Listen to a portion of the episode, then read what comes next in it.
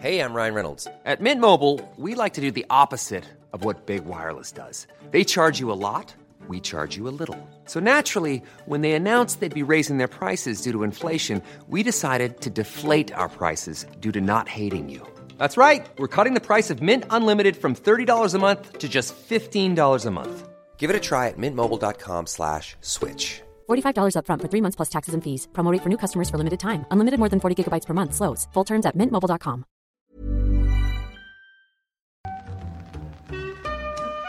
In the supermarket, you have eggs class 1, class 2, class 3. And some are more expensive than others, and some give you better omelets.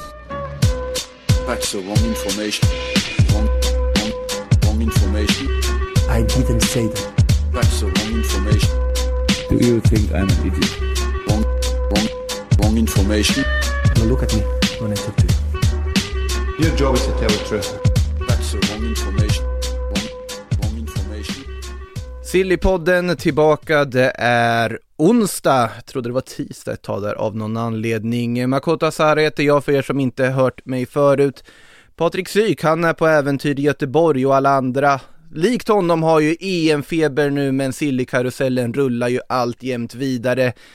Jag vill inte kalla det ett nödlandslag där vi har satt ihop här idag, där som man håller på med borta i EM, men däremot har vi två färska debutanter, läge att testa nytt fräscht här under sommaren i Sillypodden. Till att börja med sitter jag med Filip Lindfors här mitt emot mig. Välkommen! Tusen tack Makoto Hur är läget med dig? Det är otroligt bra är det Jag har kommit ut i sommaren här efter en eh, coronadvala och känner en extrem eh, livslust och sugen på det mesta och allting EM, varmt, golfväder, perfekt Nu har du verkligen satt så positiv aura över dig här direkt så att du, Det kan behövas! det kan behövas, Vi okej. ska ju prata om Arsenal ju Ja just det, det ska vi göra. Det- För transparens skull, du har ju lite koll på Arsenal i alla fall så att eh, det ska bli intressant att höra vad du tycker om läget där.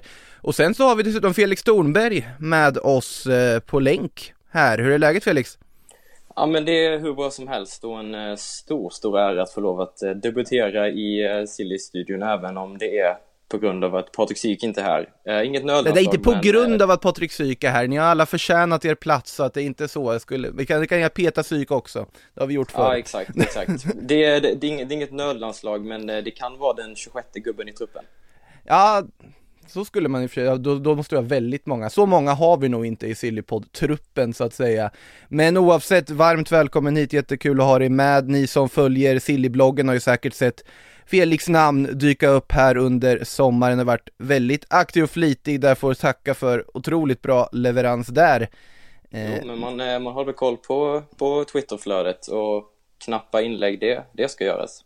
Ja, och för er som har haft koll på Twitterflödet här på sista tiden så är det ju en ganska intressant liten twist som har hänt här i fallet Gini Vinaldum.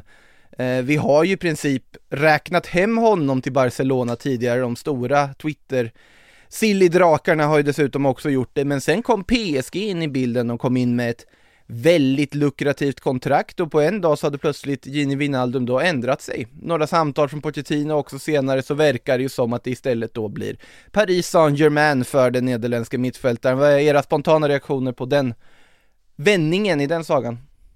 Ja, men det, det piggar väl upp, gör det. Man eh, tycker väl alltid om en liten last minute stil här. eh. Och sen så eh, rent logiskt så ser jag nog faktiskt Wijnaldum gå in bättre i ett PSG-lag än jag ser honom gå in i ett Barcelona-lag. Av anledningen att Nej, men det känns som att eh, det finns fler eh, roller där han kan bidra och få ut alla sina bästa egenskaper i ett PSG-lag. Till exempel så ser jag honom som en bättre spelare än Andro Herrera på den positionen. Medan han kanske i ett Barcelona inte direkt ska gå in och flytta på en, på en Busquets eller en Frenkie de Jong. Nej, precis. Alltså, ja, det känns ju som att Busquets, Pedri, Frenkie, där har de sitt tremanna mittfält i Barcelona. Wijnaldum hade väl gett en extra dimension på något sätt.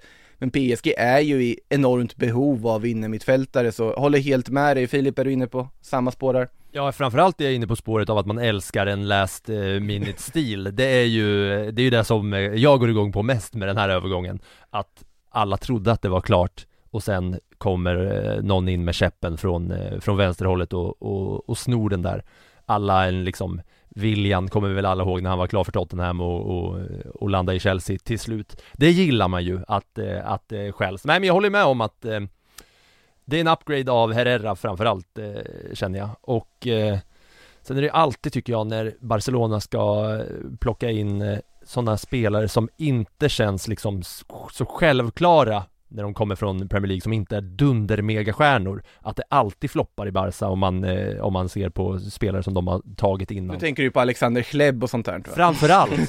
du, du är där ja, just det. Det har gjorts några sådana eh, till Barca. Alexander Song. Oh, Fina, fina Alex Song. Ja, det roligaste med Alex... Arsenal i alla fall. Ja, men det roligaste med Song var ju när han i samband med att Barcelona vann Champions League och då Puyol ska försöka lämna över bucklan till Abidal som ska få lyfta den. Och Alex Song tror att det är han som ska få han lyfta Han tycker att det är rimligt. Det, det... Han tycker att det är rimligt att han ska, ska få den. Ja, det är så, det är så tågordningen ser ut där, tyckte Alex Song. Det, det är fortfarande något av det roligaste jag någonsin sett. Och så här, totalt Alltså verkligen inte vet sin plats på något sätt överhuvudtaget. Helt underbar scener. Leta upp dem om ni inte har sett den fantastiska bilderna från det trofélyftet. Um, det älskar man ju. Men vad, vad landade kalaset på då av eh, Vinaldum? Gratis eller? Ja, ja, hans ja, kontrakt. Gratis. Kontrakt har ju gått ut så det har varit lite huggsexa om honom. Bayern München använde sig som någon sorts eh, ja, vad ska man säga, medel för att stressa igång Barcelona att göra något. När Barcelona väl hade stressat igång så dök ju Paris upp. Nu är det väl inte last minute alla William i och med att det inte är deadline än och vi knappt har öppnat fönstret. Men eh, det är ju en, ändå intressant, intressant effekten av det här. Det är ju dessutom då att Barcelona nu har stressat iväg och men nu måste vi göra klart med Memphis Depay. För nu är det ju officiellt att Ronald Koeman blir kvar, det var ju en av aspekterna som behövdes för att Depay också skulle komma in. Eh, nu verkar de ha stressat igång det, rädda för att PSG ska göra samma sak med Depay av någon anledning. Eh, otroligt oklart. Men Memphis Depay närmar sig Barcelona, han är inte klar än, men alla uppgifter säger ju att han, han blir nästa free transfer-värvning. De har ju redan plockat in Kun Agüero, Eric Garcia och dessutom då Emerson Royal som man har köpt köpt hela Emerson Royal, de ägde ju bara en del av Emerson tidigare. Men nu har de ja, alltså... mycket stökiga turer där. Ja, de köpte väl hon, hans rättigheter och hela honom plus något extra la de till för att, ja det var otroligt oklart. De använde sin buyback på Jo, de använde sin buyback på den ena halvan och sen köpte loss den andra halvan. Något, något i den stilen, otroligt rörigt. Ja, ni hör ju, ni hör ju. Det är, det är rörigt, men något åt det hållet. Men eh, det ska vara lite rörigt också när det kommer till trevägsaffärer. Det tycker jag piggar upp. Ja, och sen är det ju faktiskt en fruktansvärt bra värvning i sig också måste sägas just ja, att in måste honom. Också, tilläggas. Det, man ska, man ska inte, inte endast stanna vid att eh, det, det är märkliga turer utan man ska faktiskt även ge cred för att eh, det är en spelare som kommer göra Barcelona bättre tror jag. Mm. Men finns det Paj då? Det, jag kan tycka det känns lite överflödigt om de inte ska göra sig av med något. Mm, det kan jag absolut uh, hålla med om, även om jag ser det som en, som en väldigt logisk värvning för, uh, för Barcelona. Eh, framförallt med eh, alla turer som var runt Depay i Barcelona förra året och Ronald Komans förkärlek för eh, Depay. Men lite som du är inne på så ser jag inte Depay gå in och vara en given kugge i dagens Barcelona. Ja, det är liksom vart för vi kan väl räkna med att deras intention är att behålla Lionel Messi. Det, det är ju ganska tydligt. Sen om det blir av eller inte det får vi se, men det börjar väl mer och mer luta åt att han faktiskt lyckas med det. Ja, I och med att man kör fri transfer. Så då har vi alltså Messi, Agüero kan ju tänkas vara ett alternativ. Depay kan mm. väl i och för sig också tänkas vara ett alternativ. Men sen har du Griezmann, Dembélé, Mm. Ja just det, Coutinho är kvar också men han ska men, försöka sälja. Känns inte Depay som en sån här kille som egentligen bara kommer till Barcelona och borde ställa sig i ledet och liksom rätta sig in och, och, och kämpa hårt för sin plats. Men känns det inte som att han kommer surna om han inte får spela från start efter 14 ja, spelade matcher i La Liga? Och att det kan bli ett jävla härj på grund av en sån Han är ju inte liksom, eh, han är ju inte en sån sympatisk härlig eh, arbetshäst eh, som, som liksom Eh... Han var släppt en platta nyligen va? Ja exakt, det låter ju extremt inte Barcelona-kompatibelt att åka till träningsanläggningen i ja, Fast det är det ju ändå, alltså just lagbilen. Barcelona är det ju ganska kompatibelt att släppa musik Jag minns ja, ju Pinto, Pin, ja, Pinto ja. Fin, fina Pinto Han blev ju nominerad för en Grammy sen till, han? Ja, alltså som någon slags eh, medproducent av någonting, hade väl spelat in någon nylonsträngad gitarr på någon låt som var inspelad av någon eh, någon eh, latin-kung på något sätt. Annars har vi ju... Det måste han ju hålla som sin, som sin största merit, även om man har flera titlar som andra sparade också. Gjort en busvissling i någon Champions League-match där för att finta någon anfallare som kommer i friläge och, och. Hämtat en vattenflaska. Mm, han har gjort mycket sånt, fina flätor. Men eh, tänkte du säga Royston Drenthe apropå eh, Ja, Dre- fina Dren- rapkarriärer? Ja, Drentes karriär, det var ju vad den var liksom i fotbollsmässigt, jag vet inte om han fortfarande är igång, men jag satt ju och tänkte på Jesse. Han har ju kört all in på det här eh, latinosångarspåret, Ja, när han just ja. gör plattor med eh, Maluma och allt möjligt, vad, vad det nu är för någonting. Det, han har det väldigt kul där, lite så här tveksamma, tveksamma musikvideos och så vidare med klassiska då så här reggaeton beats. Eh, nu ska inte jag ge mig in på att börja prata musikgenre för då kommer jag bara hamna snett. Eh, men Pinto han slutade ju med fotbollskarriären just för att hålla på med musik och vara DJ istället. Men, eh, Fullt rimligt. Men Depay har ju kanske lite mer på fötterna så att säga fotbollsmässigt än vad Pinto hade. Eh, jag tror det får inte att det blir ett problem. Jag tror inte det blir ett problem att han tror att han förstår sin plats och jag tror han kommer få sina chanser. Problemet med Barcelona är att de har, har ju gått omkring nu och haft Martin Braithwaite som sin enda renodlade nia. Agüero, vi vet vad han har för skadehistorik, det är en jättebra värvning fortfarande tycker jag i, i det här läget Barcelona Det sitter. blir och- tre matcher i början för Agüero och fyra matcher på slutet. 16 mål på tre matcher och sen 16 borta i två månader. Precis, eh, vi får se om man får lira med Messi, det är väl det som också är lite det som lockar för honom. Men Depay alltså närmar sig Barcelona eh, samtidigt, och vi hoppar tillbaka till PSG för de verkar inte klara med att plocka Wijnaldum på fri transfer, finns ju nämligen en Gigi Donnarumma tillgänglig också och det verkar ju som att kollega Syk får rätt om man lyssnar på detta. Jag var ju tveksam och sa att ja men de kan ju inte peta kung Keylor Navas, den fantastiska underskattade målvakten. Jo det verkar de ju göra för han ska ju bli kvar också, sägs det. Men att Donnarumma då ska komma in och allt närmar sig. Vad säger ni, är ni förvånade över Donnarumma till PSG? Jag tycker att, eh, jag tycker alltid att en kort målvakt riskerar att bli petad oavsett eh, hur bra han har spelat. Och Navas är väl en liten plutt va? Eller? 1,85 kanske? Nu har du ju bara lyssnat tidigare och försöker att liksom flörta med psyk här på så illa korta målvakt. Nej, men däremot så är jag ju gammal målvakt själv och inte eh, en liten plutt så att säga. Eh, och jag vet inte vad det har för koppling över till Keylor Navas, eh, för vi kan ju inte jämföra nivåer på något sätt. Men i ett sånt lag som, som PSG så känns det som att man är inte fulländade defensivt förrän man har en målvakt som är så de liksom har storleken som är, nu har ju Keylor Navas, det är ju liksom, han har ju bevisat sig, det är ju inget snack om den saken. Men jag tycker alltid att när det är korta målvakter så finns det liksom en, eh, en risk att, eh, att bli petad av en större och, och liksom eh, Yngre framförallt i det här sammanhanget. Ja, hur gammal är, hur gammal är Navas då? Navas är över 30. 34 kan han vara det. Det låter inte helt orimligt. Ja, något sånt. Men eh, det är ju, det är ju kanon eh, att det till slut då blir något av Donnarumma. Det har ju, blir något. ja men, nej men vad, alltså det har ju, det har ju liksom eh, han har ju inte nått upp till den nivån som man pratade om honom när han dök upp, att det skulle bli liksom världens största målvakt. Visst, han har spelat i Milan och i, i sin ålder och hela den eh, grejen, men det är ju en, det är ju en rejäl level up i både liksom ryktes, eh, vad ska man säga, i, i kvalitet i, i laget och liksom stjärn, Fast stjärnglansen är det också. det? Är det det? Så Ja, jag, verkligen. alltså såklart är PSG ett bättre lag, men han går ju till en sämre liga.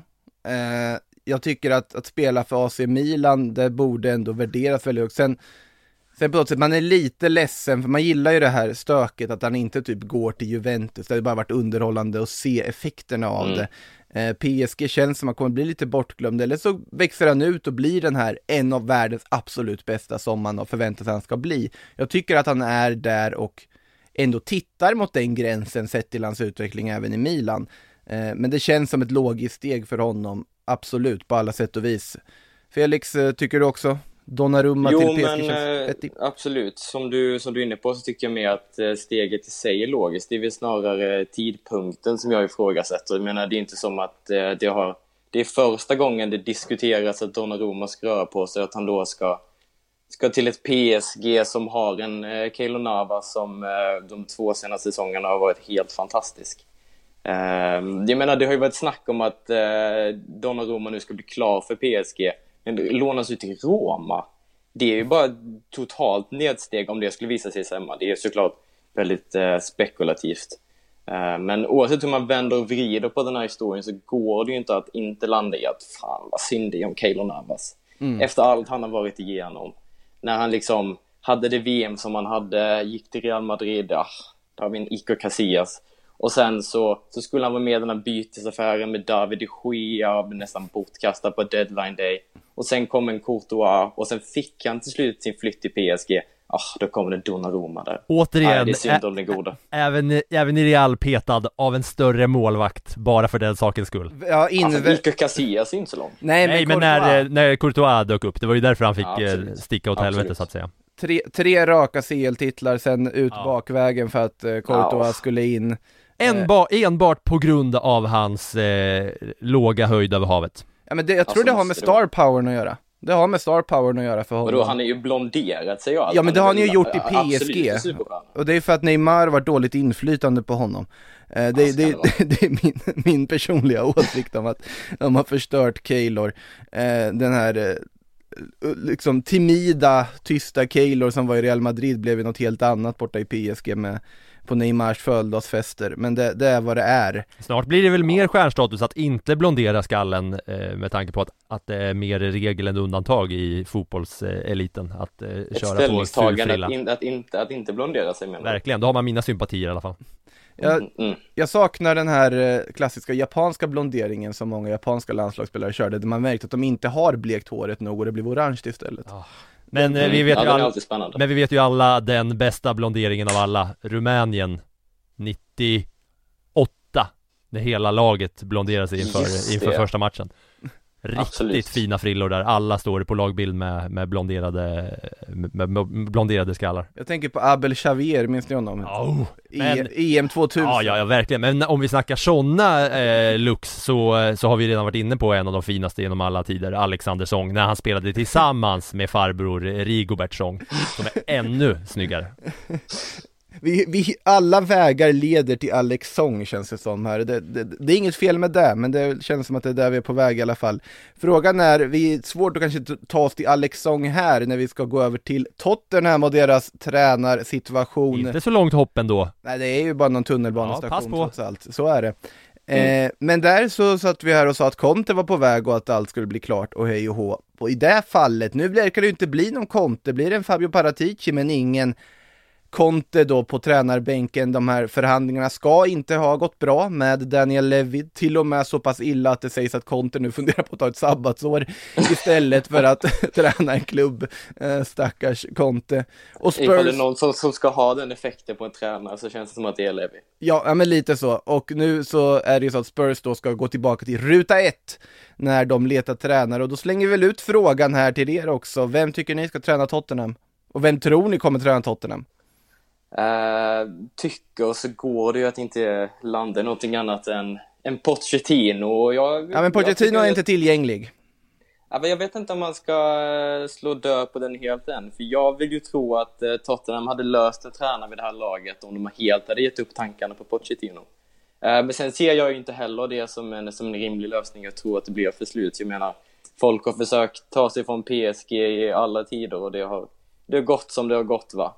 Men eh, det är väl, eh, det är väl Erik Ten Hag det kommer att landa i, är väl eh, vad jag tror. Och det är en jättebra lösning skulle jag säga om det går att lösa honom från Ajax. Ehm, Ja, lite intetsägande skulle jag säga, men absolut. Den är, den är, den är varken bra eller dålig. Den Nej, jag, ty- jag tycker den är helt rätt. Jag. Jag tycker den är helt rätt. Jag känner att det är på tiden att han tar nästa kliv. Det han har gjort i Ajax är jätteimponerande och det känns som en tränartyp som är rätt för Tottenham i det här läget. Eh, har du något namn du sitter och funderar på där borta Filip? Nej men jag har ju hört och läst lite att eh, Graham Potter, namnet dyker upp på eh, några ställen och Det gör det. Och det kittlar ju mer för att eh, vi har den kopplingen vi har till eh, Graham Potter som Mm. där vi sitter i Sverige. Men visst, eh, Ajax-lösningen känns ju logisk, men det kittlar ju lite mer med eh, Graham Potter där. Ja, Och eh, verkligen. båda de här tränarna har ju liksom eh, det här ryktet att våga och vilja satsa på, på unga spelare. Och det är ju något som ger eh, lite klubbidentitet som, som gör att man kan gå hem snabbt hos, eh, hos fansen. Eh, det som kanske mer talar för också är ju att det är ju lite vanligare med inhemska flyttar när, vi, när det snackas Premier League eh, och sådär. Eh, Ja, och det kan väl bli och- en rejäl hype med, eh, med Potter också, något som fansen egentligen borde kunna ställa sig bakom ganska direkt. Sen så tänker jag att han kan väl inte vara eh, omöjlig att lösa heller. Om man vill ha honom och chansa på det. Jag är ju tveksam om Tottenham vill ta det kliv. Bara att de var kontaktade Allegri säger det mesta om att det är inte den vägen de vill gå. De vill Nej. ha ett namn. Jag har ju sagt Maurizio Sarri länge, men det, det verkar väl kanske inte bli honom, utan det är ju han verkar ju Lazio-bound snarare eh, än att han ska till England igen. Eh, men Potter, vi kan slänga in en fråga här när vi ändå är inne på Potter. Andreas Ekstrand frågar Potter till Everton, hur troligt? För det är också en klubb som Potter har kopplat samman med. Där har vi ju varit inne på tidigare att Eddie Howe känns som det logiska alternativet i det här läget, men där finns det ju även andra kandidater som dykt upp i ryktesfloran. David Moyes tillbaka till Everton, det hade ju ändå varit någonting efter succén i West Ham, tror inte han. Vill lämna West Ham här nu. Duncan Ferguson tillbaka i första rollen igen, det känns inte riktigt kanske som ett särskilt progressivt steg för Everton. Att ta och Rafa Benitez ett annat namn som dykt upp. Och Nuno dessutom är ju, var ju nära Crystal Palace vad det verkar men det verkar ha gått lite king i de förhandlingarna också om man ska tro dem. Ja, det ska nog alla parter vara glada för känns det som. Tycker du? Eller ja, åtminstone Nuno. Det känns absolut inte som en klubb där han hade kunnat eh, få igång sin magi. De har ju inte så många portugiser i Crystal Palace va? Ja, du, du, du baserar det på liksom bara ren nationalitets... Jag tänker ju att för Skönt ändå att vara en tränare som bara kan träna portugiser, ja, sina egna landsmän. vi kan ju Går han inte konstatera... över till portugisiska landslaget då? Ja, fast där, där har vi ju sant. Han är, han, sant, han är ju Ja. trevlig. Han funkar ju Honom där. ruckar man inte på. Nej, precis. Men alltså jag känner med Nuno att det är ett steg neråt för Nuno, men ett steg uppåt för Crystal Palace. Alltså ja, verkligen. Roy, Roy Hodgson, det, han gjorde sitt under många år där och eh, självfallet, man ska ha all respekt för hans gärning. Sen tycker jag att Nuno känns som ett namn på en hylla som är lite högre än den Crystal Palace teoretiskt sett skulle gå för. Sen kanske det hade varit roligare att se typ Eddie Howe där eller Potter eller något sånt där. Ja, Eddie Howe Mm. känns ju som att det är dags för antingen då Everton eller eh, Crystal Palace tycker man, eller? Ja, alltså Ja, någon, någonting ska han hitta Och på. sen känns det ju också som att Graham Potter är lite Eddie Howe två år fördröjd Att det är lite samma, det är lite samma status och samma liksom vurm och Ja. eh, sådär för honom Men att han har kommit in lite i Premier League lite senare Men det är ändå en sån som som eh, många har väldigt stora sympatier för oavsett vilket lag som, eh, som man håller på, känns det väl som. Kan hålla med Ja, där helt och hållet. Men om vi kanske ska besvara den här frågan också. Vad säger vi om, om Potter till, eh, till Everton? Jag, jag, jag känner så här att jag tror att det hade varit en väldigt bra lösning, men jag tror inte att Potter är riktigt redo för det steget riktigt än. Jag kan nog instämma där. Jag tror inte att Spurs är aktuellt. Jag tror inte heller. Då är Everton mer aktuellt i sånt fall, men jag tror inte att det sker nu. Jag tror Ja, att det blir Eddie. Howe. Och Everton är liksom alltså i det stadiet där den klubben är nu så är det inte heller en eh, klubb där det finns det här förtroendekapitalet där som jag tror att Potter ändå hade behövt för att kunna sätta sin riktiga prägel på Everton. Men- Eh, och då, ja, nej. Fast vänta det på tror jag finns om man nu skulle få det jobbet att vara aktuell. Då tror jag ändå att det kommer vara en förtroende. Det känns ändå som att Everton är på något sätt åt rätt håll. Det var inte som att de vill, ja. De var väl inte jätteledsna när Real Madrid värvade loss Carlo Ancelotti kanske. Ehm, men de var ju inte liksom överlyckliga heller tror jag. Ja, spelarna var väl eh, helt förkrossade. Ja men det är för att alla spelare älskar Carletto, så har det ju alltid varit och så kommer det alltid vara. Sen huruvida det är bra för laget eller inte, det är en helt annan sak. Eh, vi kan ju också nämna här att Wolves då har gjort klart med Bruno Lage, en portugis naturligtvis då som ny, ny tränare. Chockbeskedet. Chockbeskedet, Ja. vart i Benfica en sväng bland annat, väl, var väl assisterande för Sheffield Wednesday också, någon sorts runda tidigare. Eh, Ja, exakt. Eh, oprövad. Ju, ja, det får man väl säga. Han har ju, han har ju vandrat eh, den långa vägen, gjort så många portugisiska tränare före honom och insett att äh, fotbollsspelare kanske inte ska bli, det är jobbigt att springa och så. Men istället tidigt satt sig vid ritbordet och gett sig in i tränarkarusellen. Så han är ju, tror han är 40, ja, strax under 50 någonting. och var 45 tränare ser jag i- här. Ja, han var tränare i 24 år och tränat ungdomslag, varit assisterande och basat över eh, Benficas A-lag så att eh, han har vandrat vägen och Ja, det är nu en här- jag honom Wolverhampton faktiskt. Det är ju en härlig väg om man bara kollar på resan dit. 97 till 99, Vittoria Setubal, sen gick han till GDR, en grad, Mayo. En grad Mayo tror jag inte är rätt. Sen gick han till Fe Fesandese, sen gick han till Commercio e Industria. Det är Den, ju, den, den sessionen 0102 i Commercio e Industria, den vill man veta mer ja om. verkligen, det är ju intressant namn. Sen gick han till Estrela Vendas Novas, sen gick han till Centrese, Benfica eh, Youth Shabab Al-Ali, U19 Sen Sheffield Wednesday, assisterande Swansea, Benfica B, Benfica Wolves. Den här, Ja, jag- den här killen backar jag Han har gjort en Ja, resa, ja, så kan man säga. Framförallt Jag Commercio här Industria en timme. Jag kan sitta en timme bara och lyssna på Filip Lindfors uttala portugisiska lag. GDR en grad Mayo, det är, det är mitt nya favoritlag kan jag säga En grad Mayo. En grad Ja, det, jag, jag mådde lite dåligt när du uttalade Estrella Vendas Novas med Estrella eller vad det Estrela Vendas Novas, Ja. assistent vi, vi går vidare tycker jag. Det, Ja, det är dags. vi går till Emi Buendia istället, han är ju klar fast om Villa. Officiellt, den kom ju lite från ingenstans också. Det var ju mycket Arsenal-snack på Buendia tidigare. Eh, nu alltså till Villa, känns som en kanonvärvning för dem naturligtvis. En spelare som hypats mycket i Norwich då och eh, till slut då får igenom en flytt här.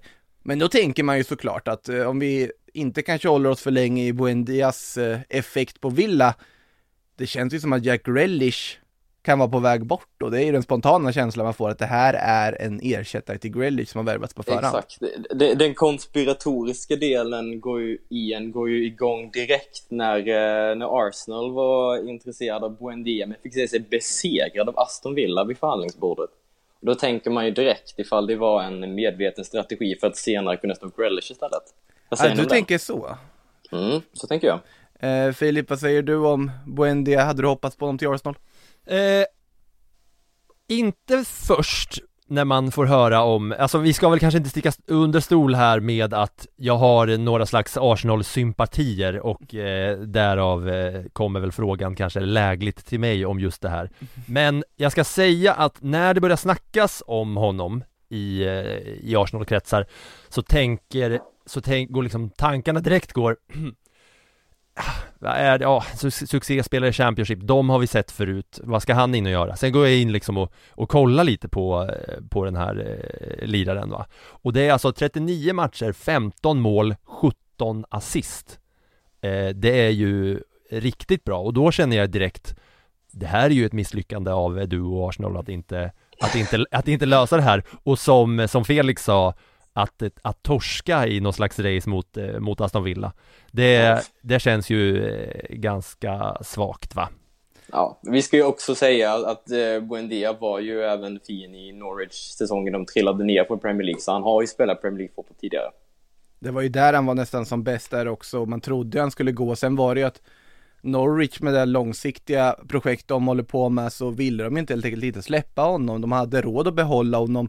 De kände att de med ekonomiskt Championship-fallskärmarna. Ja, de var ju redo att åka ner. Det är där, deras Mm, projekt var exakt. att redo att åka ner och de har ju fått effekt av det också.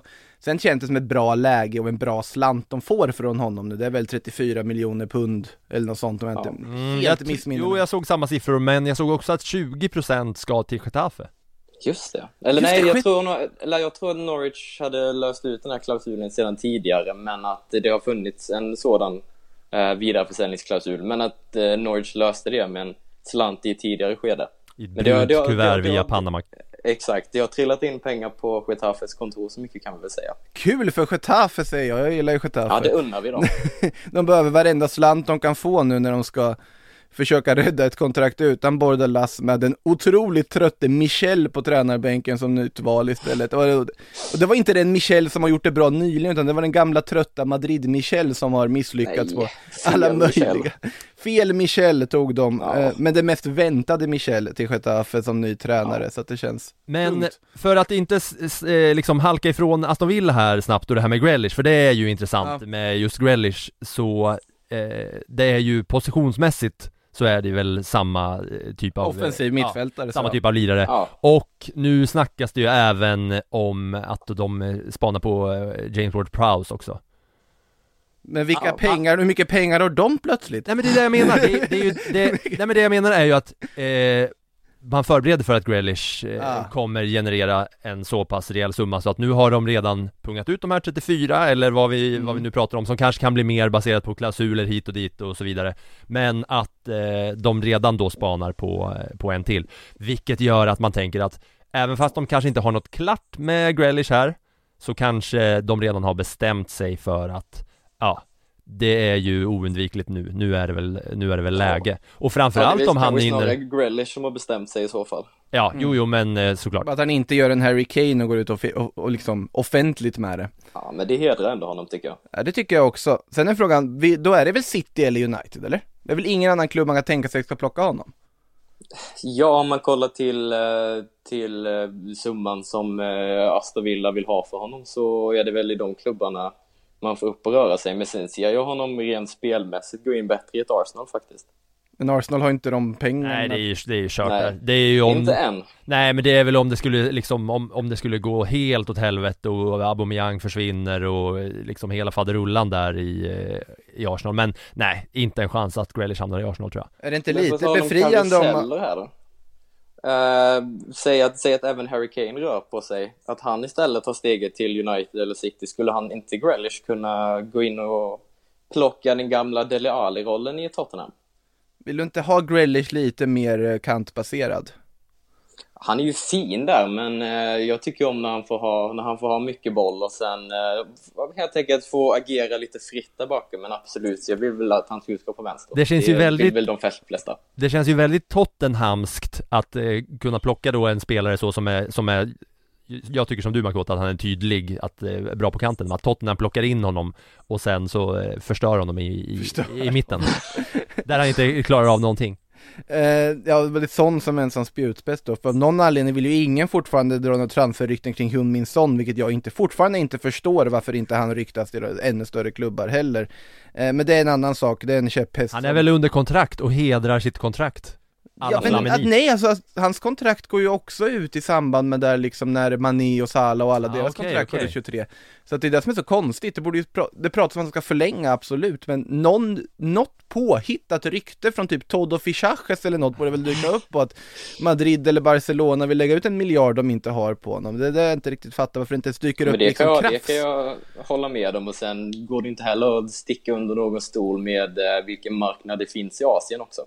Ja men precis, det är där det finns så mycket som talar för att man skulle vilja värva Jun Min Son. Så att ja, Ja. men Makotos tips till världens eh, fotbollsmedia, att det är dags att plantera ett rykte om, eh, om eh, det, det är konstigt att det inte har gjort, det är det jag vill säga. Jag håller med Eh, sen är frågan hur planterat det här ryktet är att Arsenal, vi kan väl ta oss till Arsenal här, vill ha Ruben Neves. Han är ju faktiskt tillgänglig nu från Wolves vad det verkar, den duktiga mångsidige mittfältaren med den fina foten på fasta situationer. Daily Mail som rapporterar detta kan då försöka sälja Xhaka och Beijerin för att finansiera denna lilla affär. Att de ska försöka sälja Xhaka och Beijerin är väl ingen hemlighet direkt, men Ruben Neves jag tycker det spontant låter som en kanonförstärkning om de skulle få igenom. Jag har skrivit i mina anteckningar här, Ruben Neves, ja tack Det, det, Så det räcker så typ. Ja, Alltså, på något sätt. Och, och särskilt att det ska vara som en vi pratade förut om att Vinaldum kan vara en rak uppgradering på Herrera så känns ju eh, Neves som en uppgradering på, eh, på Xhaka ja. Kliva- jag kliva in på jag det vet inte, nu har jag inga Arsenal-sympatier här, men jag är inte helt eh, övertygad om att uh, Ruben Neves är så mycket bättre än Granit Xhaka i fullt slag. Då har du nog inte sett Granit Xhaka spela eh, så mycket i Arsenal för att där är det- Då, han blir uttagen i årets lag enligt statistiken, så kom inte här och kom. Ja, nej men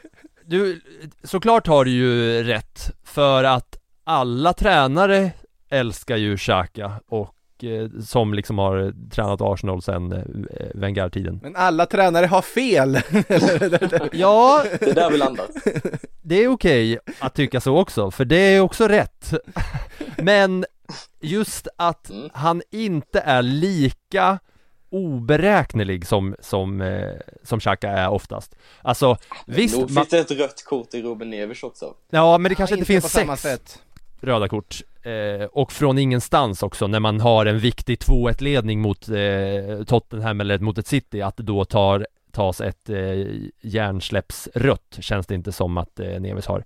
Bra frisparksfot också, Mm, ja, ja, alltså den är ju fantastisk bättre fot. än Xhakas. Alltså, Xhaka, Även fast han har dragit in några frisparkar eh, från eh, snäva vinklar men jag tycker Xhaka är så svår att analysera på att det är så mycket upp och ner i Arsenal-tröjan med honom, att det är liksom det här Mm. att Ibland så är han i öppet krig mot supportrarna, ibland så är han lagets viktigaste spelare, ibland spelar han vänsterback. Och eh, sen är det ju också en aspekt här att Ruben Neves har fyra år färre på passet att tillgå. Ruben Neves är, tycker jag, en tryggare, kanske liksom mer tekniskt skicklig spelare än Xhaka. Och sen kanske det är bra att de måste få en förnyelse. Xhaka är på något sätt en del av det gamla Arsenal. Och de behöver ju hitta någonting nytt. Nu, nu tycker jag ändå att man börjar hitta rätt spår här. Jag ser ju hellre eh, Tompa Party och eh, Ruben Neves på mittfältet än eh, Tompa Party och Xhaka. Det känns ju som att då har man faktiskt visat att man försöker adressera det här defensiva mittfältsproblemet eller mittfältsproblemet som har varit i så många år när det har varit uppenbart att vi måste ersätta den här spelaren, vi måste ersätta den här spelaren på mitten. Det kommer ingen och helt plötsligt slängs det 80-90 miljoner på en offensiv spelare när alla i hela världen, fans, media, tränare, spelare vet att Arsenal behöver en mittfältare som, som kan ta tag i och styra, styra spelet på mitten och så, så kommer det ingen eh, Det viktigaste är liksom symboliken här, att nu visar vi att vi, vi, vi, vi, vi har märkt att det finns ett problem. Nu agerar vi. Sen effekten därefter, det kan vara underordnat. Ja men jag, jag tycker verkligen att, eh, att eh, det känns eh, som att det är en grej som behöver, behöver adresseras Mm. på så sätt. Och eh, Du sa Makoto att han är liksom en del av det gamla Arsenal. Ja det är han ju. Men framförallt så tycker jag att han är en del av det här nedåtgående spiralen Arsenal Som, som liksom på något sätt kravlar sig lite uppåt och sen faller lite längre. Kravlar sig lite uppåt och faller lite längre. Det tycker jag Xhaka symboliserar Precis eh, som du sa där Ja, och det är därför jag på något sätt också förstår ifall man då byter ut Hector Bejerin, för det känns som att det är lite samma sak med honom.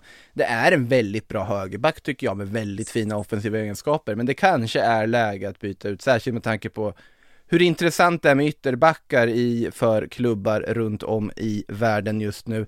Ska slänga in, jag har inte gjort det i mitt lilla spontana körschema, men vi ska väl nämna att Achraf Hakimi väcker intresse. PSG återigen här som är och budar och slåss med Inter, bara nämner det i förbifarten här. Sägs ju att de har erbjudit 60 miljoner euro, Inter vill ha 80 och det här är alltså en spelare de köpte loss för 40 för ett år sedan. Hade ju varit väldigt viktiga pengar för Inter, men samtidigt Achraf är ju minst sagt viktig som wingback i den här 3-5-2 formationen. De lär fortsätta med dessutom under Simone Inzaghi. Eh, Arsenal tittar på Alexander Isak har jag skrivit här, för det har The Athletic eh, noterat via lite andra medier här nyligen, alltså bara monitor så att säga, ingenting då att de har budat eller bestämt sig, så det kan ju betyda att han är en av 200 spelare de tittar på, men bara tanken med Alexander Isak och Arsenal tänkte jag ändå man skulle slänga upp, för Alltså jag ser ju inte att det är ett jättesmart steg för honom, det är ett väldigt smart steg rent alltså PR-mässigt med tanke på hur Mm. stora Arsenal är i Sverige och populariteten klubben har och så vidare. Men alltså varför lämnar Real Sociedad nu är väl min tanke, men jag vet inte om ni håller med här. Ja, men det är, en, eh, det är ju inget snack om att eh, Alexander Isak är en eh, fantastisk fotbollsspelare, men jag tycker ju att han har, han har gjort sig väldigt bra i La Liga nu jag ser honom inte riktigt få samma effekt på grejerna och sina spetskompetenser i dagens Arsenal. Filip? Nej men skulle han till Arsenal Då är det såklart att man har lokaliserat att Här har vi framtiden liksom. Det är ju ingen Det är ju ingen värvning man gör med liksom på, med vänsterhanden så. Då måste man ju ha bestämt sig att det här är killen vi ska satsa på med tanke på vad han har för liksom ålder och kanske att Mm. han inte ska gå in direkt eh, sådär. Men ja visst ska, ska man skeppa de två anfallarna man har nu i, eh, i Arsenal om det nu eh, blir så, det, det snackas ju om då, det, allt känns ju oberäkneligt med Tänker Arsenal du i stunden. Lacazette, Aubameyang som anfallarna då? Ja som, eh, som skulle kunna försvinna ifall Ifall allt skiter sig och det har det ju gjort förut i, i Arsenal Nej men eh, Det är väl jättebra för Isak att komma till en stor klubb eh, Oavsett om det är Arsenal eller något annat eh, lag sådär Nu kanske många eh, biter på sin halmhatt här och när jag säger att Arsenal är en stor klubb Jo, alltså stor, det är skillnad på storklubb och toppklubb, så där tycker jag faktiskt Tack. att du har, du har en poäng. att ja, man kan kalla Arsenal en Ja. stor klubb. Och sen är Låt ju, gå för denna gång. och sen är det ju så att Isak är en av de här spelarna som har mycket framtid som kan avgöras i EM här. Det är, ju, det är ju så, gör han ett, ja, gör han ett 2 plus eh, EM så ja, då kan det är helt okej, det kanske, kanske går bra, fortsätter, det kanske några, några eh, klubbar som, som lyfter på ögonbrynen och är lite sugna om det, om det, om det krisar eller behövs någon spelare. Gör han ett 4 plus EM och, och stänker dit en 4-5 baljer. Då kan ju han vara en av de här stora snackisarna efter eh, ett sånt mästerskap, att det, att det rycks från, eh, från höger och vänster. Ja, för han har ju också varit i ett läge där Barcelona tittat på honom, Arsenal tittat på honom, United kanske också tittat på, men inte liksom budat. Man har tittat och haft honom i åtanke, man har haft honom i liksom medvetandet, men inte längre än så. Det är helt rätt att ett bra EM, då kan det liksom vara sista klivet som och med det sagt så kan väl ta kliv, du, du har ju varit förberedd för det här Filip, det, det är vi inte ofta i Sillypodden så att det får du Bara en vänja sån sak. bara en sån sak. Du har ju satt upp ihop lite namn på spelare här som vi som kan få en så kallad EM-effekt. Jag vet inte om Alexander Isak är med på din lista? Han är med på den listan faktiskt. Given. Och eh, då är det ju så här att jag har döpt den här listan till EM-spelare som kan lämna sina klubbar vid kanonmästerskap. Det är Det- en lång och bra rubrik. Ja tack, väldigt Ha med, eh, ha, med- ha med alla aspekter i alla fall. Ja, absolut. Ja men där är, där är han med, fast är lite längre ner på min lilla lista här. Och vi får väl se, det kanske är så att vi hinner plocka upp några namn på den här listan och eh, kanske att de kommer i, i eh, skrivet format på, eh, på sajten senare för den som är nyfiken. Vi har ju nämnt några redan här idag, bland annat Grealish som jag ser här också, en annat namn som vi har nämnt i tidigare avsnitt men inte idag än är ju Jadon Sancho, där tror jag väl att oavsett mästerskap så är ju United ska ju ha öppnat lite samtal här med Dortmund igen och nu får det väl bli av bara helt enkelt, så, så är det ju. Eh, Ja, men Locatelli, det är väl, ja. eh, ja. Nej men stanna på Sancho, det är väl alltså Han har ju varit en stor snackis eh, senaste fönstren men det är ju ändå så här att det är ju många parametrar som gör det här till en så bra och stor snackis. Det är en engelsman som inte har slagit igenom i England men ändå fått eh, hela världens ögon på sig. Ja, han är redan svindyr men det skulle vara en sån extrem eh, prestigevärvning av framförallt engelska klubbar då men, eh, men även även andra eh, klubbar också Gör han ett dunder-EM så kan ju han hamna eh, vart som helst. För att eh, gör han ett dunder-EM så gör ju England också ett dunder-EM Och då kan han bli en av de här superstora. 19 mål, 15 ass Senaste säsongen. Det är helt okej och då har man tänkt att Sancho haft Helt ett okej, me- det är otroligt. Men då, då, har man, då har man ändå tänkt att Sancho haft ett mellanår där när man inte har följt Bundesliga med örnögon. Eh, Det har han ju tydligen inte riktigt haft, även om Dortmund som lag har haft det. Han kostar miljarden nu Tänk vad Mm. han kostar om han och England gör ett dunder-EM Då blir det ju inte United, då kommer de att hålla på igen. Det är ju det, så nu får, det, nu får det ju bli av, lite så känner jag, för jag är så trött på Jadon Sancho till United-rykten och de liksom det blir inget av det fast alla vet att alla vill att det ska bli av, så blir det ingenting. Så bara lös det nu istället för att ge er in på någon sorts Harry Kane-äventyr istället och fastna i skiten. För att, jag har sagt det förut, United har för en gångs skull ett fönster där ett superläge att värva precis där de behöver. Ja, jag är helt enig här. Det är, om, om inte endast för att få slut på spekulationerna och diskussionerna så är det är dags för United att agera på Sancho nu. Jag menar, det är ingen hemlighet att United vill ha honom och det är ingen hemlighet att Sancho åtminstone är väldigt intresserad av att gå till United. Så det är bara att hugga nu. Det snackas dessutom om att eh, Dortmund ska vara så pass generösa att de har eh, sänkt den här eh, lilla prislappen som var uppe på 120 miljoner pund förra fönstret om jag inte minns fel. Ja, det är väl nere på 90, typ 100 någonstans där nu och det är ju en ändå rejäl sänkning. Ja, Eh, absolut. du ville vidare på- ändå.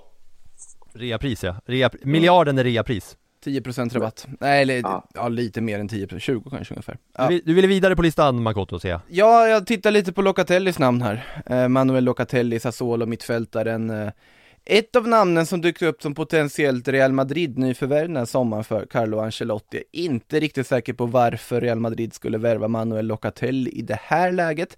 Eh, Juventus, ett annat lag som har dykt upp, känns som ett mycket mer logiskt alternativ för dem som behöver få in riktigt duktiga innermittfältare. Där håller jag helt med dig Filip om att ett bra EM för honom, det, det kan verkligen trissa upp eh, intresset. Ja, han känns ju oavsett om man, hur, eh, hur det går för Italien och han själv så är det ju så att han kommer ju inte spela i Sassuolo nästa år. För han är ju, han är ju navet i Gliasurri. Spelar ju, spelar ju mitt-mitt så att säga. Om man får spela ja. Regista. Ja, jo men eh, jag kollade lite tidigare matcher och det har han ju gjort många matcher, Mancini Fast om verkar Verratti är frisk och Ja, ja, ja. Coutinho är frisk, eh, då, och Barella är frisk. Ja det är sant. De två, när du säger Real Madrid så kan, kan ju vi, eh, Locatelli, det kommer, jag tror att han kommer gå oavsett hur pass bra EM han gör, Ja. men, men gör han Ja, det unnar man ju Locatelli också efter den här, eh, när han bara burstade ut på scenen i Milan och sen blev det inget riktigt, inget riktigt av det och sen nu har han tagit ny kraft och mellanlandat Sassuolo och gjort hur bra som helst. Nej, jag säger, jag säger, jag säger Juventus här oavsett EM nästan. ja, Ja, låter rimligt. och sen är det prislappen bara som, som kommer ändras beroende på, eh, beroende på EM. Men eh, Barella är nästa på listan när vi är i Italien och när du nämnde Real där så kanske den här är mer eh, realistisk Men som- vart ska han in då? Alltså, som en ersättare till den åldrande Luka Modric, 35 år gammal, Men eller? Barella är väl för offensivt lagd för det. Barella är som bäst när han får ligga i det här lilla fickan mellan anfall och mittfält, tycker jag i alla fall. Mm. Där, det är där han får ut det mesta av sina egenskaper. Där, där är jag ju mer inne på att värva Kamavinga på lång sikt eller spela in Fede Valverde på lång sikt. Nu ska ju Modric köra en säsong till. Och sen är det ju problemet när du tar in innermittfältet till Real Madrid är att eftersom Modric, Kroos och Casemiro är så bra som de är och så opetbara som de är. De kommer inte direkt vara mindre opetbara när Carlo Ancelotti kommer tillbaka till eh, tränarbänken. Och det jag ville säga med- den här övergången, att det finns en sån härlig liten eh, silly detalj här, det Ja. är att Ancelotti ska ha eh, velat värva Barella till Napoli 2019 när han var där Mm. och eh, enligt eh, vissa rapporter ska han blivit vansinnig när det inte blev så Och nu ska han få chansen igen då, tänker du? Det är den lilla silly detaljen som man ändå gillar Och om man tar silly historik, då är det ju såklart att James Rodriguez är klar för en comeback med tanke på att Carlo Ancelotti alltid värvat eller velat värva James Rodriguez. Ja det är klart Ja, det är ju redan, ja exakt, det är Ja. klappat och klart. Vart nu han ska in, Isco skulle ju vara kvar också, ja det, vi får se hur det går med det där projektet. Eh, sen ett namn till jag ville plocka upp innan vi går vidare här och tittar på lite lyssnarfrågor. Du har kallat det bubblare, jag tycker inte det här är en bubblare, men Jules Koundé i Sevilla, där har du ett mittbacksnamn som kommer att vara otroligt eftertraktat av allt och alla känner jag. Ja. Ja. Vi har väl längden även här, Filip Lindfors, är det inte så? eh, Han är för kort för din smak Filip, det är därför han är en bubblare. Nja, han, han, är, han är under eh, listan eh, bubblare slash, slash hipsterkollen Alltså, Koundé är inget hipsterval. Nej, Jag köper att Jaremchuk som du har där och Kal Kalajic är där, liksom. Gravenberg nästan också. Kalajdzic apropå, eh, apropå, eh, apropå längd eh, Han kanske vi inte ska landa in i, men ja, men Koundé är väl lite så här, är han, är han verkligen Är det ett en... hipsterval, Hulf Koundé? Nej men jag tänker just, just på den här listan som ändå ska avse spelare som kanske gör ett kanon-EM och sen eh, får röra på sig för att Koundé kommer ju få nöta bänk. Exakt! Ja, det är just 100%. därför han är bubblare, han är ju Ah. Han är ju supervälkänd och eh, det rycks redan i honom eh, från alla hög, hö, liksom alla kanter Mm. eh, Men han kommer ju inte få spela start Det är ju om det skulle ske något med, eh, med varann eller, eh, eller så i, eh, i franska backlinjen som han, som han får komma in och, och lira och då vid ett supermästerskap. Att det kan, eh, att det kan liksom sticka, i- sticka iväg där Och här finns ju det Ja. logiska med just Rafael Varan också, att han verkar ju vara på väg bort från Real Madrid. Och jag vet inte om David Alaba är den tilltänkta ersättaren, men samtidigt verkar ju också Sergio Ramos vara bort, på väg bort från Real Madrid. Så mittback ska in Ja, för senaste ska in. uppgifterna där är ju att man snarare nu förbereder någon sorts avskedsceremoni för Ramos under juni månad för att sen hålla en presskonferens där i vid början av juli för att man helt enkelt inte då vill erbjuda honom ett längre kontrakt som Ramos vill ha. På grund av då klubbens principer om hur långa kontrakt man erbjuder plus 30 spelare. Eh, jag tycker det här är jättekonstigt. att man inte då bara frångår principerna när det kommer till en spelare som Sergio Ramos. Särskilt om då Varann ska lämna, om man nu gör det. Eh, Ja då måste det ju eh, shoppas så att säga och då är väl Kondé en sån eh, liksom, det är det ingen, tvekan. det är ingen snack om saken, spelat i La Liga, eh, gjort, eh, gjort sina matcher där och, och, och visat upp sig och så vidare. Sen känns det ju också som, i och med att Villarreal vann Europa League och Emery tränade dem så känns det lite som att Kondé precis har vunnit Europa League. Fast Kondé spelar ju i Sevilla Jag vet, det är det jag menar. eh, Precis. Reptilhjärnan säger att han har precis vunnit eh, Europa League och är extra het för den sakens skull. Då säger vi grattis till Kondé då alltså. För, för att han har vunnit Europa Eh, League i Filip Lindfors hjärna. vunnit, Frankrike spelar med Varann och Kimpembe, inget snack om saken eller? Ja, det är Sam, samma eh, som VM-guldlaget Ja. sen eh, Hernandez och Pavard på varsin. Ja, så måste det bli. Kondé kan väl spela Alltså, högerback eller? Alltså han ska ju inte göra det. Men kan. Ja, alltså grejen med Kondé är ju att han är en väldigt unik mittback på att han rör sig över enorma ytor. Jag vet inte om ni såg målet han gjorde i Copa del Rey mot eh, Barcelona. När han bara i princip tar bollen och väggspelar sig fram och gör sig som Messi-mål när han bara dribblar ett helt lag och sen sätter den. Och det är en mittback. Ja. Den är helt fantastisk, men att sätta honom och alla bara bredvid varandra, det kommer, det kommer inte vara någon i försvaret. Men Nej, i och för sig så inte. hör det ju till att spela försvar i Real Madrid att inte försvara, så att det, det kanske funkar ändå. Eh, ska vi gå vidare till lite frågor? Vad säger ni? Ja. Eller finns det något annat ni vill lyfta upp innan vi gör det? Nej, inte mer än att eh, det var en fin lista som eh, sammanställs här. Jag vill bara jag vill bara snabbt, jag har en annan liten lista i mitt huvud och det är ju eh, också lite eh, så här silly, silly lista. Och det är ju att nu har vi för första gången på ett tag fått en vinnare i franska ligan som inte är PSG. Och där är det ju då så att historiken visar ju att när det är ett lag som inte är PSG som vinner så ska det ju shoppas från eh, det laget. Och nu har vi ju Lille som har vunnit va? Men då är det ju så, förutom, alltså sen då 2010 så har ju PSG vunnit typ alla år. Men det har alltid funnits då i varje eh, Ligue 1-vinnare en spelare då som, som plockas 2009 Bordeaux vinner, kommer ni ihåg vem det var? Vem, vem, vem som plockade? Ja men vem som var den här liraren som liksom såg till att det blev ligatitel och så plockas av storklubb? Ja då var det Marouane Gourcuff. Chamakh Ja, då var det Chamakh och Gur- Gourcuff, snyggt, han spelar ju i samma lag där, bäst på Exakt. Football Manager genom alla tider, FM10 eh, Året efter så vann Marseille, då var det ju eh, Ben Arfa som var den liksom stora hjälten. Och sen så, ja vi vet ju alla supersuccén han gjorde och visa upp sig från sin bästa sida. 2011 så var det Lille, då var det Gervinho och eh, Hazard som, eh, som försvann därifrån Just det, Eden gick ju då först ja. Ja exakt där. Eh, och sen så året efter, även Arsenal här igen, då var det ju Montpellier som vann och då var ju den finfina eh, Giroud som var den spelaren 2017 var det Monaco, då var det Lemar, Mbappé och Bernardo Silva och sen har det Hela varit laget. Fabinho med va? Ja, Benjamin Mendy.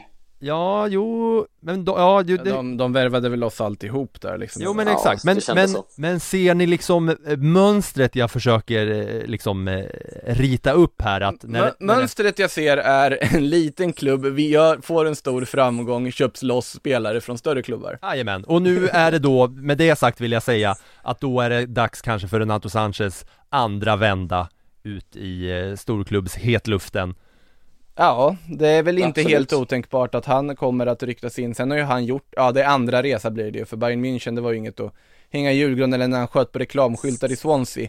Eh, det, det finns ju mer. Sen är det ju, jag är ju intresserad av att se en spelare som Burak Ilmaz, han är 35, men det är ju inte helt omöjligt att någon försöker att rea till sig honom Nej det ska ju bli jävligt billigt eh, med den eh, rackaren i så fall va? om man gör ett riktigt bra EM här för Turkiet. Yazidzi är en sån spelare som skulle kunna få typ en PL-flytt om man gör ett bra EM också. Det finns ju mycket. Ja. Nu vet jag inte hur det är med Renato Sanchez i Portugals eh, startelva men Han startar nog inte i första Nej, det formationen. tror jag inte. Nej, han hade ju också sin, om han skulle gå in på den här EM-listan så har ju han redan varit där när han gjorde sitt eh, super-EM 2016 Han har varit med Ja, på det hade listor varit länge, en- den mannen. Ja, det hade, hade varit en fi, ett fint cirkelslutande där ändå att eh, han kör, kör en, ett genombrott part 2 fyra år efter, eller fem år blev det ju, efter det första EM-genombrottet. Ja, nej men det finns många sådana fina eh, liksom, eh, man tänker att man vill ju se en med, det här, med den här EM-listan med spelare som kan göra dundermästerskap som också kommer från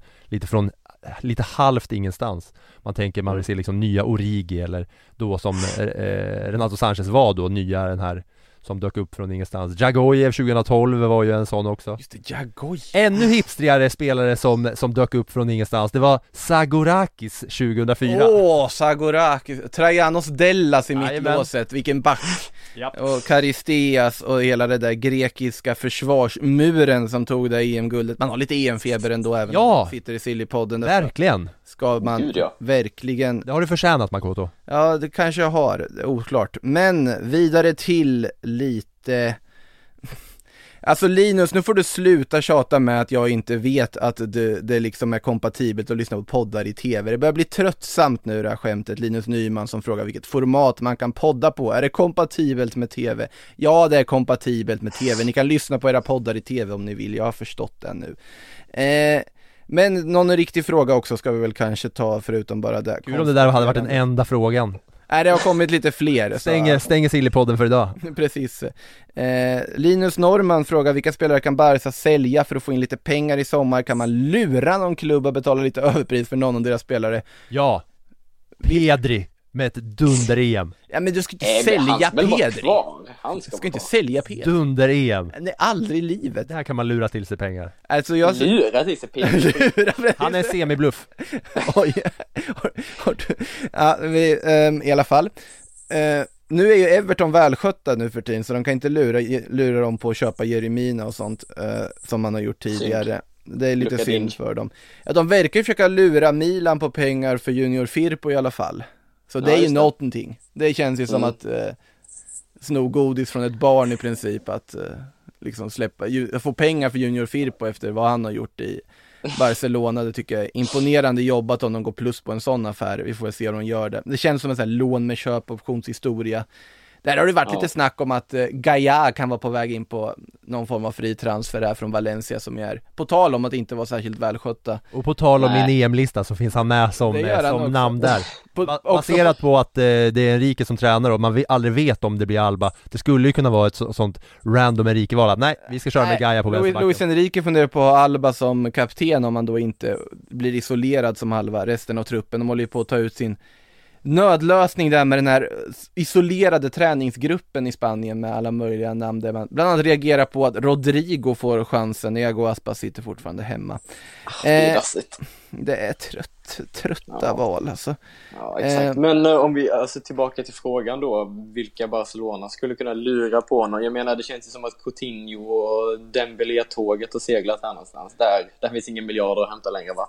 Ja, det har jag svårt att se. Ja, Dembélé tror jag man kan hämta pengar på, men jag tycker inte man ska nödvändigtvis försöka hämta pengar på Dembélé. Jag tycker att det, det finns så pass mycket rå potential och kvalitet hos honom att ge honom fortfarande något år till och ge honom chansen. Jag ser inte anledningen med deras ekonomiska situation att göra sig av med Dembélé och tvingas gå ut och leta ersättare. Hur är det med Umtiti då? Ja, där är ju någon som de vill bli av Ja, med, som absolut. de borde bli av med, som de borde bli av med lönen. Sergio Roberto, en annan Mm. faktiskt, nu när man plockat in Emerson har Sergio Dest spelar en 3-4-3. Mycket också på grund av Sergio Robertos, alltså orimligt höga lön. För som jag har förstått det så sitter ju han på en helt jätteorimligt hög lön med sitt kontrakt som liksom ger, i paritet med liksom Virgil van Dijk. Det måste ju vara PSG-vändningen i CL där som han, han, han, han, gick in på kontoret dagen efter och pekade på, på ett löneanspråk. Det, det är ett royalty-bidrag för varje gång de vevar det där målet på sociala medier. Exakt. Det är endast därför. Han är bäst betald i, i europeisk fotboll. att det är en jättebra truppspelare, men han, eh, han behövs ju liksom, alltså med den lönen så såklart de ska försöka avlasta honom om det går. Sen är frågan om någon vill ta över en sånt kontrakt och vad det skulle kosta och så vidare. Men Sergio Roberto Umtiti som du nämnde där, Filip, Coutinho måste de göra sig av med på ett eller annat Ja, sätt. Svårt Eh, att lura, lura någon på alla vet vem Coutinho Ja. är, du kan inte lura någon att ta Coutinho. Eh, det blir svårt. Eh, ska vi se, fortsätter här vidare, vi tror jag besvarar frågan. Linus frågar, vilken free agent lär ha flest erbjudanden i sommar? Alltså Wijnaldum hade ju många, Ja, känns det verkligen. som. Eh, Depay hade nog en del. Jag Mm. tror att någon som kommer att få en hel del ifall det nu blir så att han lämnar är ju Sergio Ramos. Ja, absolut. Eh, Men där eh, lär- vi, vi snackar ju lön där också. Ja, men vem vill inte ha Sergio Ramos? Ja, han 35? Det 36? spelar ingen roll med Sergio Ramos. peakålder på Ramos Ja, ja, han, är, han är fortfarande absolut världsklass och där tror jag att många kommer vilja slå till en annan spelare som lär dra åt sig. Ja. Om Messi blir free agent så lär ju många vilja ha honom om vi säger så. Kanske inte Ja. många rent kvantitativt i bud, men kvalitativa bud lär det Mm. komma. Eh, tar en fråga till här innan vi stänger butiken för idag. Har ju inte nämnt Erling Braut Haaland någonting. Gustav Svensson frågar, finns det någon substans i Haaland till Chelsea-ryktena? Vill han ens gå till Chelsea? Vad, vad är det senaste ni har sett där? Ja, man tycker man hör om uh, Haaland till, uh, till Chelsea varje dag här, men uh, alltså rent krasst är det svårt att se var Haaland skulle, vilken europeisk toppklubb han ska flytta till.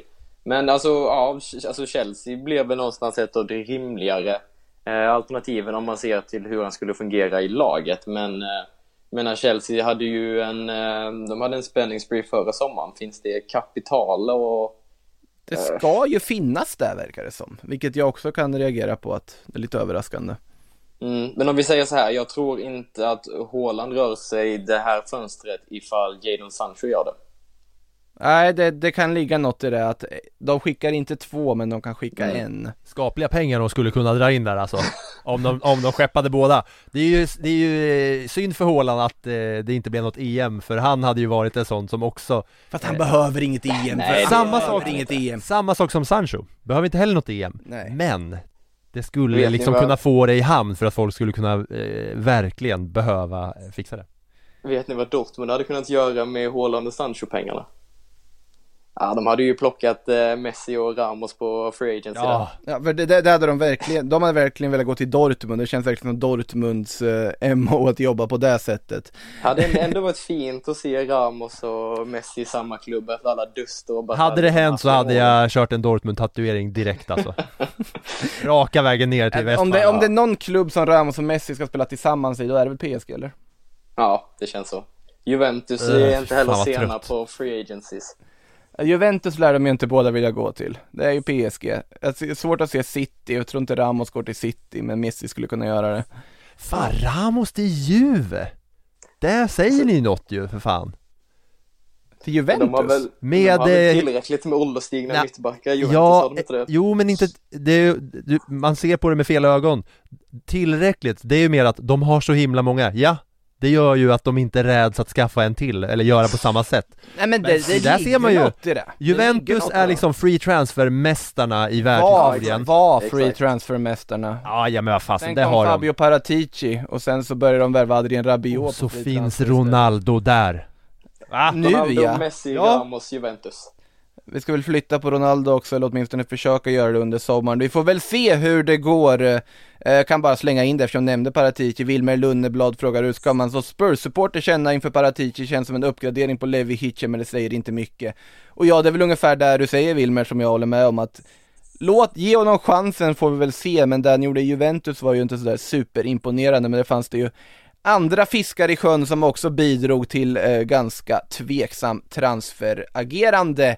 Eh, med det sagt så tycker jag vi rundar av för idag. Jättekul att ha med, med er Filip och Felix så hörs vi säkert snart av igen. Sillypodden återkommer snart. Tack så mycket, hej då! Stort tack!